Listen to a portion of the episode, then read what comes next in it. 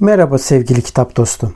Yayına geçmeden önce bu yayının yapılmasını sağlayan Ankor'a teşekkür etmek istiyorum. Ücretsiz olan Ankor, podcast'inizi doğrudan telefonunuzdan veya bilgisayarınızdan kaydetmenize ve düzenlemenize olanak tanıyan araçları mevcut. Ankor, podcast'inizi sizin için dağıtır. Böylece Spotify, Apple Podcast ve daha pek çok yerde sesiniz duyulabilir. Üstelik minimum dinleyici olmadan podcast'inizde para kazanabilirsiniz. Tek bir yerde podcast hazırlamak için ihtiyacınız olan her şey Ankor'da.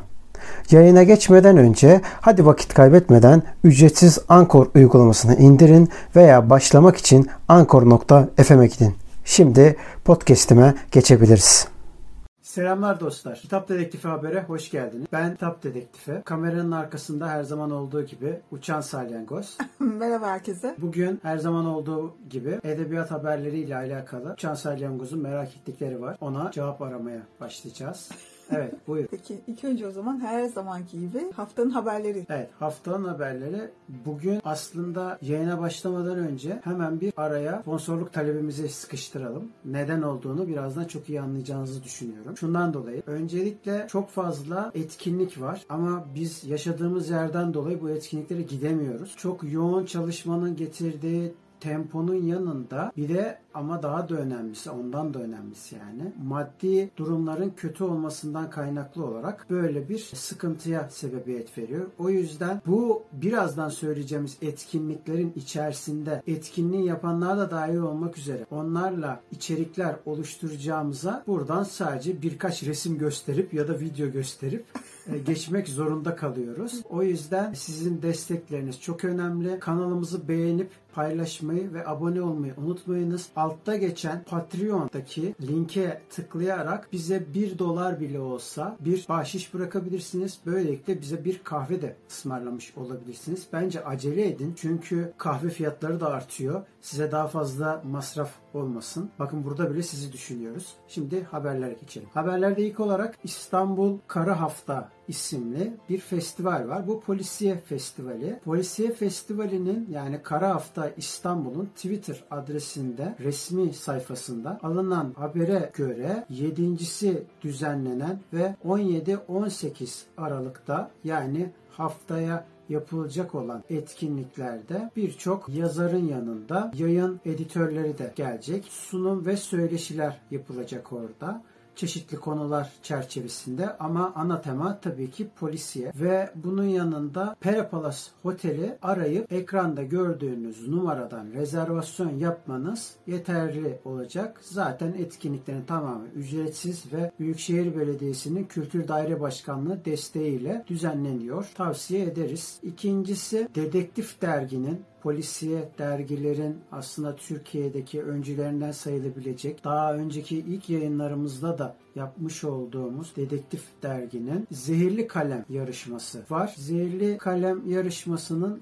öykü ödülü ki ben de katıldım onun içerisine. 16 Aralık'ta saat 9'da Dedektif Dergi'nin Instagram adresinde ödülü kazanan açıklanacak. Bununla ilgili maillerin yanında Dedektif Dergi'nin kendi Instagram sayfasında da çeşitli davetler bulunuyor. Güzel bir etkinlik olacağını düşünüyoruz. Ve dünyanın en büyük özel müzesi açılacak. İsveç'in başkenti Stockholm'da yer alan müze Fotokriska 2023 yılı itibariyle dünyanın en büyük özel müzesi olmayı planlıyor ve şu anda da açık kendisi. Tallinn'in ve New York'taki şubelerine yenilerini de ekleyeceğini söylemiş. Ama biz buradan her zamanki gibi söyleyelim. Özel değil de daha çok devlet müzelerine destek verilmesinin daha güzel olacağını düşünüyoruz. Keşke dünyada hiç özel müze olmasa.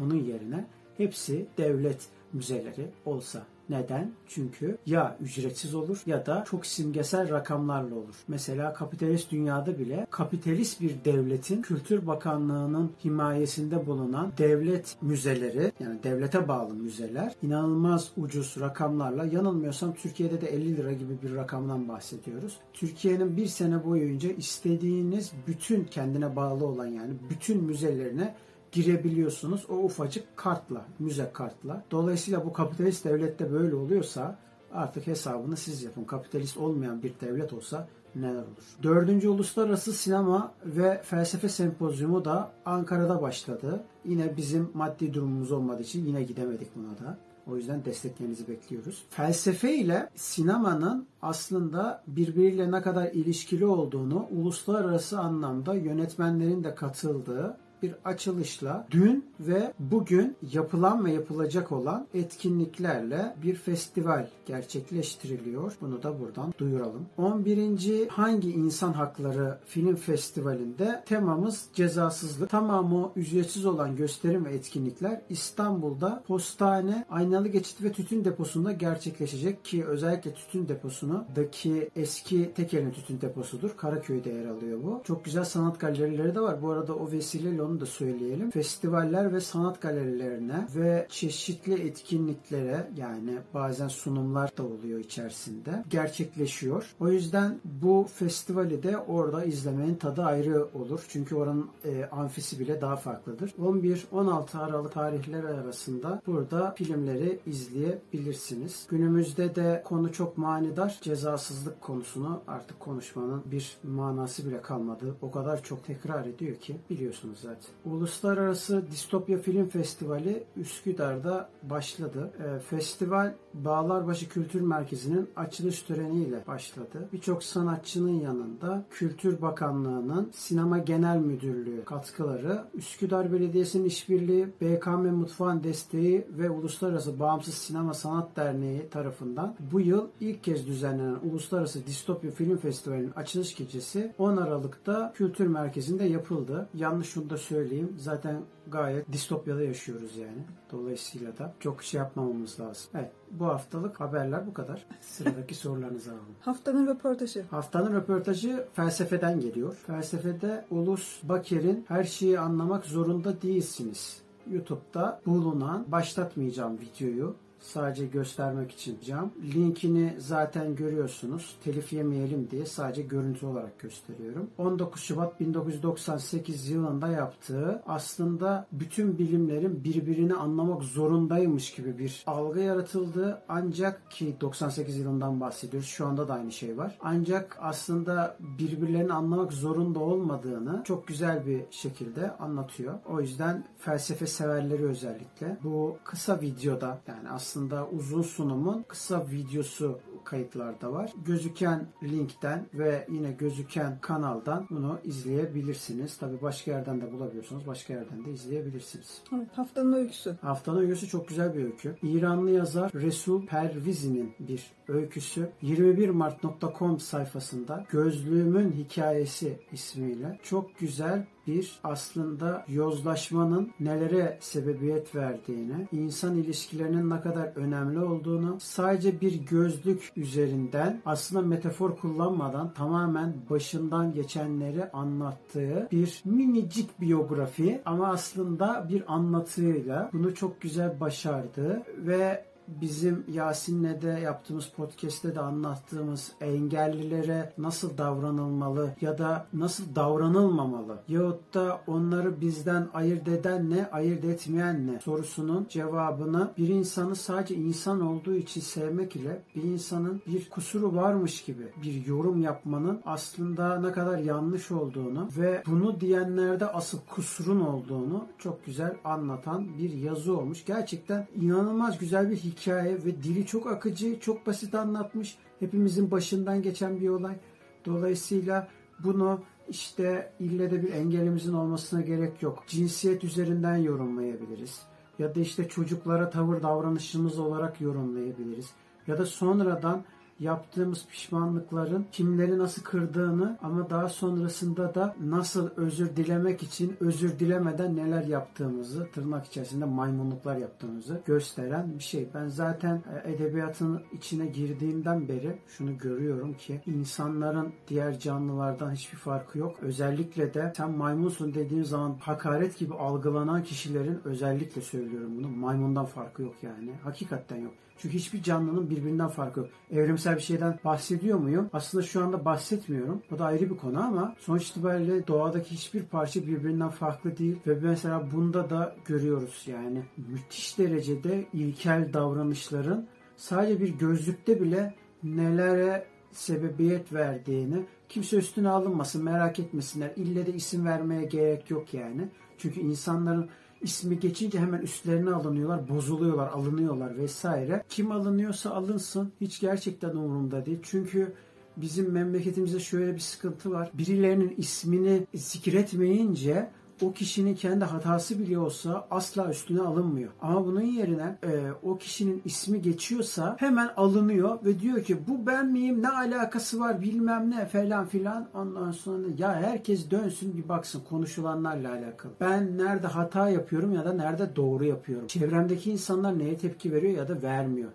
Ya da ille de çevredeki bütün insanlar değil bir kişinin bile aslında yaptığı yorumlar çok kıymetli. Dolayısıyla da buna göre bakmak lazım. Tabii karşı taraf saygısını yitirmediği sürece onu da unutmamak lazım. Bunu da gözlük hikayesi üzerinden söylemek istedim. Çünkü aslında hikaye tamamen bunun üstüne kurulu. İran'da geçiyor. Hiç kimse merak etmesin. Türkiye'de geçmiyor yani. Evet buyurun. Bir şey söyleyeceğim bunun üzerine. Ben hikaye okumadım ama galiba o dediği gözlük, senin de biraz önce belirttiğin kalıp galiba gözlük aslında ana şey. Hani toplumun belli bir kalıp, kalıbı vardır ya. Evet. O kalıbın içine giremeyen şeyler, kişiler, işte farklılıklar galiba şey oluyor. İnsanlar ona şey bakıyor. Hasarlı gözüyle bakıyor. Evet. Çünkü toplumun bir kalıbı var. Oluşturulmuş bir kalıp. Mesela burada anladığım kadarıyla gözlük oradaki kalıp. Aynı şeyden mi bahsediyoruz bilmiyorum ama mesela kendi düşünceme göre söyleyeyim. Şimdi bir şey hikaye bilmediğim için şey olmasın. Yanlış tezat gelmesin. Toplumun belli bir kalıbı var oluşturduğu. O kalıbın dışında kalanlar her zaman için toplumun dışladığı şeylerdir. Kadınlar, çocuklar, engelliler, bu saydıklarım haricindeki insanlar bir kalıbın içine oturmuşlar. O kalıbın dışından e, bir şeyler gelince zararlı galiba ultraviyole ışıkları gibi algılanıyor. Onu habire böyle bir dışlıyorlar. Sözlerle, gözlerle, sonra ne bileyim farklı farklı hareketlerle o toplumun içine almıyorlar, o kalıbın içine almıyorlar. Bu bence bozukluk. Yani toplumsal bir bozukluk bence. E, bu ileri bu devam ettikçe bu çöküşün nedenleridir. E, bu çöküş demek sadece böyle bir e, kişiye olan tepki olarak olmuyor sonuçta. Bir bütün olarak düşünürsek devlet açısından, ülke açısından, dünya açısından düşünürsek çöküş demek aslında. Yani çünkü doğa karmaşık olaylarla oluşmuş ama aslında düzenli bir şekilde giden ama her şeyi içinde barındıran bir şey. E, biz de bu doğanın parçasıysak bizim kalıp toplumsal o kalıp şeylerin dışında olan şeyleri yani insan veya işte canlı, hayvan ne varsa işte onları eğer almıyorsak bu o toplumun bozulduğuna, çöktüğüne bence DNA'da şey olarak düşünelim. DNA kalıpları kırılıyor artık.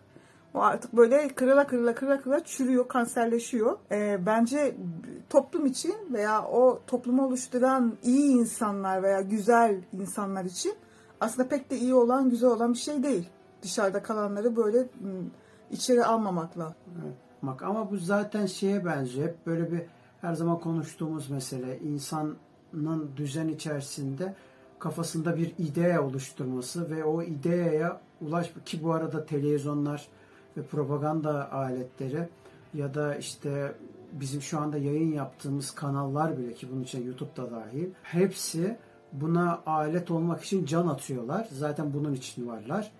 Dolayısıyla da karşımıza şöyle bir şey çıkıyor. Hep böyle en iyisi ben değilim, en iyisi başkası. Şimdi ya da bir de tam tersi çıkıyor. En iyisi benim, başka iyi yok. Yani ikisi de değil. Ne çok iyisin ne de çok kötüsün. Ya ortalama standart bir insansın ama yapabileceklerinin potansiyelini düşüneceksin. Konu bu yani. Onun haricinde efendim ya ben çok kusursuz oluyorum. Dizilerde hep öyledir ya baş kahraman asla ölmez mesela. Mümkün değil. Ordu yok olur. Hatta ordular yok olur. Ama baş kahraman ismi gibi kahramandır. Niye? Efsanelerde öyledir. Bakın yine bir idea. Niye? İşte hikayelerde öyledir. Yine bir idea. İşte efendim insan ilişkilerinde de öyledir. Dizilerde de öyledir. Filmlerde de öyledir. Tiyatroda da öyledir. Hep öyledir. Ama toplumsal gerçekçi edebiyatta mesela böyle değildir. Herkes ölür ya da herkes yaşar ya da herkes sefalet içindedir ya da herkes zenginlik içindedir. Yani neyse ne ama herkes herkes gibidir yani. Dolayısıyla da burada da aslında sorun tamamen bu. Yani biz sürekli olarak diğerlerinden farklıyız meselesi yapıyoruz. Neden? O farkı kim belirliyor? Ya yine aynı şeyi söyleyeceğim ama yine podcastlerde yaptığımızda 100 yılda bir hatta felsefeci bir konuğumuzla da yaptığımız konuşma sırasında da mesela güzellik anlayışı bile belirli zamanlarda değişiyor. Mesela 100 yılda bir güzellik değişiyor. E, O zaman nasıl olacak? Belki de 100 yıl sonra dünyanın tamamı zaten bu gidişte öyle olacak. Gözlüklü olacak yani ve gözlüksüzler bu sefer de yani buyurun size distopya yani. Gözlüksüzler bu sefer müthiş derecede dışlanmaya başlayacaklar. Sanki onlara engelliymiş gibi davranacaklar. Kim neyin garantisini verebilir ki? Yani nereden biliyoruz yani? Dolayısıyla güzellik anlayışları bile değişiyor artık. Ki verilen mücadeleler neticesinde artık çirkin ya da güzel olanlar ayrımı da çok fazla kalmadı. Bazı şaşkalozlar kaldığını zannediyorlar. Bu da başka bir şey yani. Dolayısıyla da sahne böyleyken bu senin de az önce anlattığın mesele gibi duruma bakış açısı bence bu şekilde olmalı. Çünkü bir gözlük metafor olarak kullanmamış az önce söylediğim gibi. Tamamen aslında başından geçen bir anlatıyı yapıyor ama bu anlatı tabii aslında hepimizin yine az önce belirttiğim gibi yaşadığı şeyler olduğundan dolayı çok bizden bir hikaye. O yüzden tavsiye ediyorum. 21 Mart.com'daki Gözlüğümün Hikayesi isimli öyküyü. Haftanın kitabı. Haftanın kitabı yine bizim kitaplardan. Aslında bir tane kitap normalde ama Rakı Ansiklopedisi. evet. Bu Overteam yayınlarından okumak biraz zor oluyor benim yabancı dil sıkıntıdan dolayı. Normal tam metin olarak var. Bir de cep boyu var. Şöyle göstereyim. Bunlar daha önceden bayağı satılıyordu. Halen de satılıyor. Sitenin Zeynep'in kendi yerinden. Burada rakı hakkında edebi eserlerin yanında meşhur rakı masasında neler yenilir, hangi mezeler kullanılır, hangileri kullanılmaz. Bununla ilgili adab-ı muaşeretin yanında bir de hangi rakı nasıl üretilir, nasıl üretilmez, hangi çerez olmasa da meze vardır, hangi balık vardır. Bunların hepsi bunun içerisinde yer alıyor anılarla birlikte. Dolayısıyla aslında gastronomi meraklısıysanız biraz da kültüre eğiliminiz varsa bunu bakabilirsiniz. Cep rakı ansiklopedisi ise bunun daha tabii küçük hali olduğu için daha böyle hani kelimenin tam anlamıyla cep boy bilgiler kafamızda yer etmesini daha önemli olduklarını düşündüklerini bunun içinde yer alıyor. Tavsiye ediyorum. İki kitabı şöyle göstereyim. İkisini de. Haftanın sözcüğü. Haftanın sözcüğü de yine Sevan Nişanyan sözlükten. Aslında çokça kullandığımız bir kelime loji. Yani arkadaş siz görmüyordunuz göz kırpma hareketi. Efsane yani. loji. Yine harika bir kelime seçtiğim için kendimle gurur duyuyorum. Evet. E, loji kelimesi. Nedir loji? Aslında tam buraya göre konuşayım. İngilizceden geliyor. Söz, söylem ya da bilim uzmanlık demek. Eski Yunanca'da da söz, anlatı, akıl yürütme, mantık demek.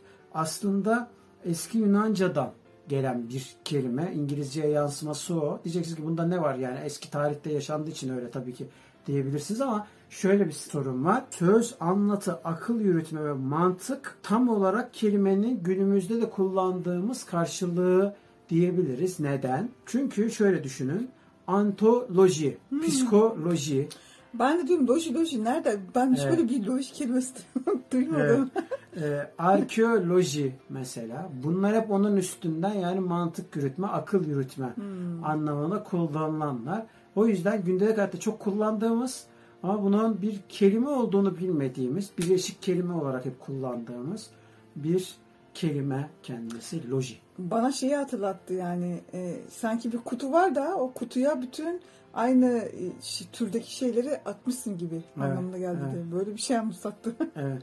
Aslında öyle aynı türdeki şeyler Ha, atıyor. evet. İşte mesela kronoloji, meteoroloji, ne bileyim hastaneye gittiğiniz zaman e, biyoloji, Hmm. fizyoloji falan gibi gibi yani. Ama gündelik hayatımızda çok sık kullandığımız bir kelime. Benim de aklıma direkt acaba dedim loji loji ne, ne olabilir dedim lojistik. Evet. Benim direkt lojistik geldi. Onların hiçbir aklıma gelmedi mesela. Evet buyurun. Haftanın önerisi. Haftanın önerisi bugün ilginç bir site var karşımızda. Arabayla gezmeyi seviyorsanız eğer arabanın içerisinde konulan bir kamerayla birlikte bu Google gibi düşünmeyin. Hani Google'ın içerisinde böyle geziyorsun falan ya.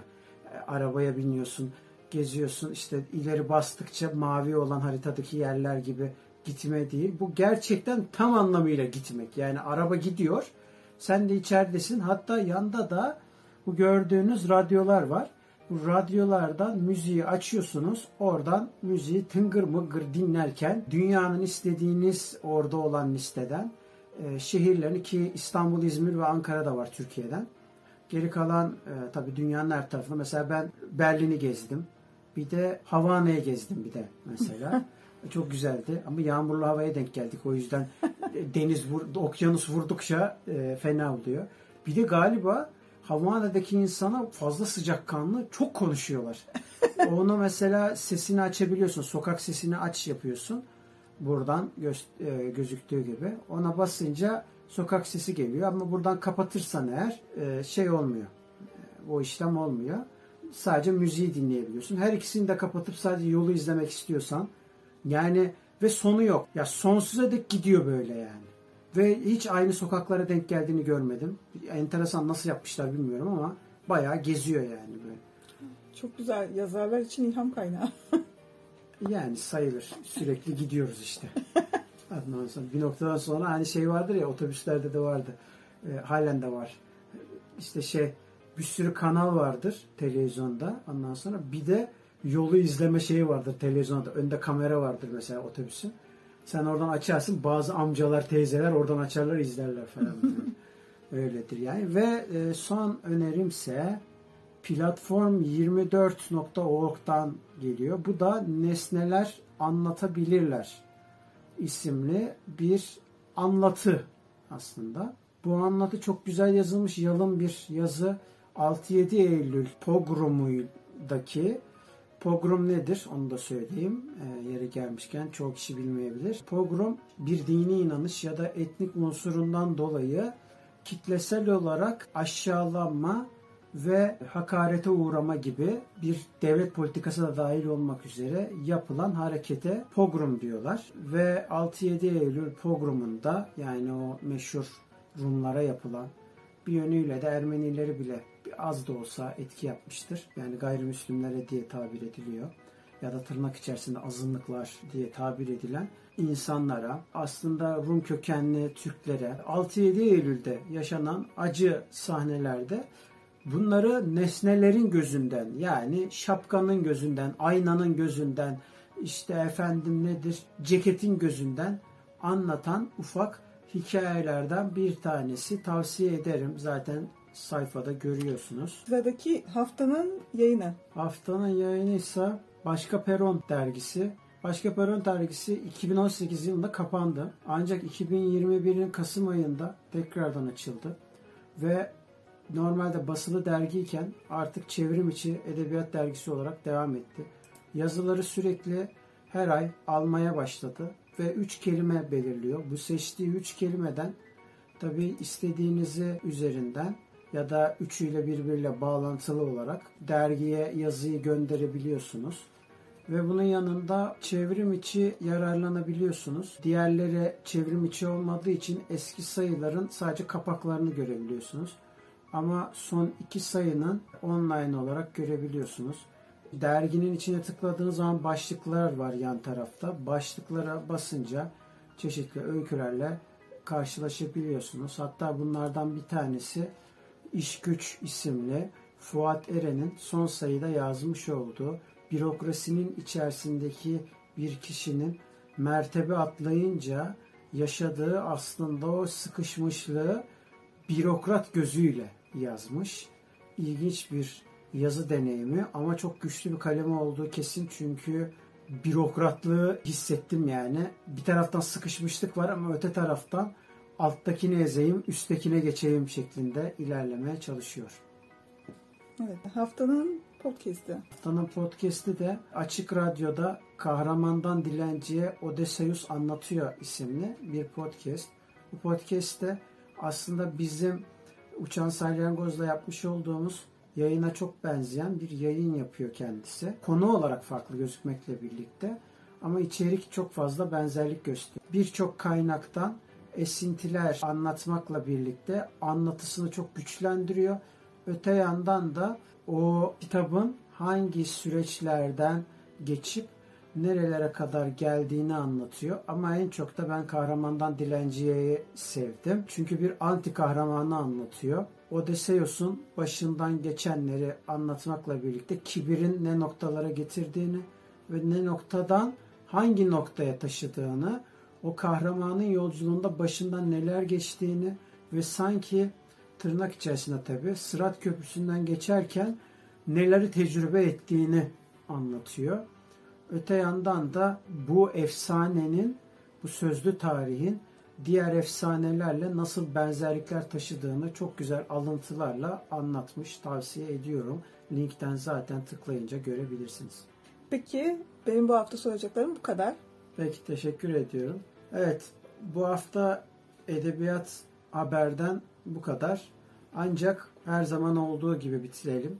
Kanalımızı beğenmeyi, paylaşmayı ve abone olmayı unutmayın. Anlık olarak ileti almak için o çanağı yandakini patlatın lütfen.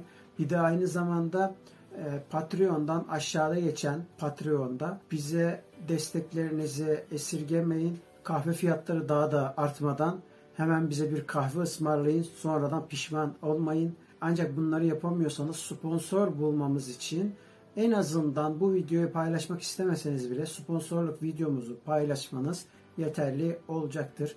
Bence bir paylaşım kadar samimiyet olduğunu düşünüyorum sizinle. Sevgiler, saygılar. Görüşmek üzere. Kendinize iyi bakın. Kendinize iyi bakın.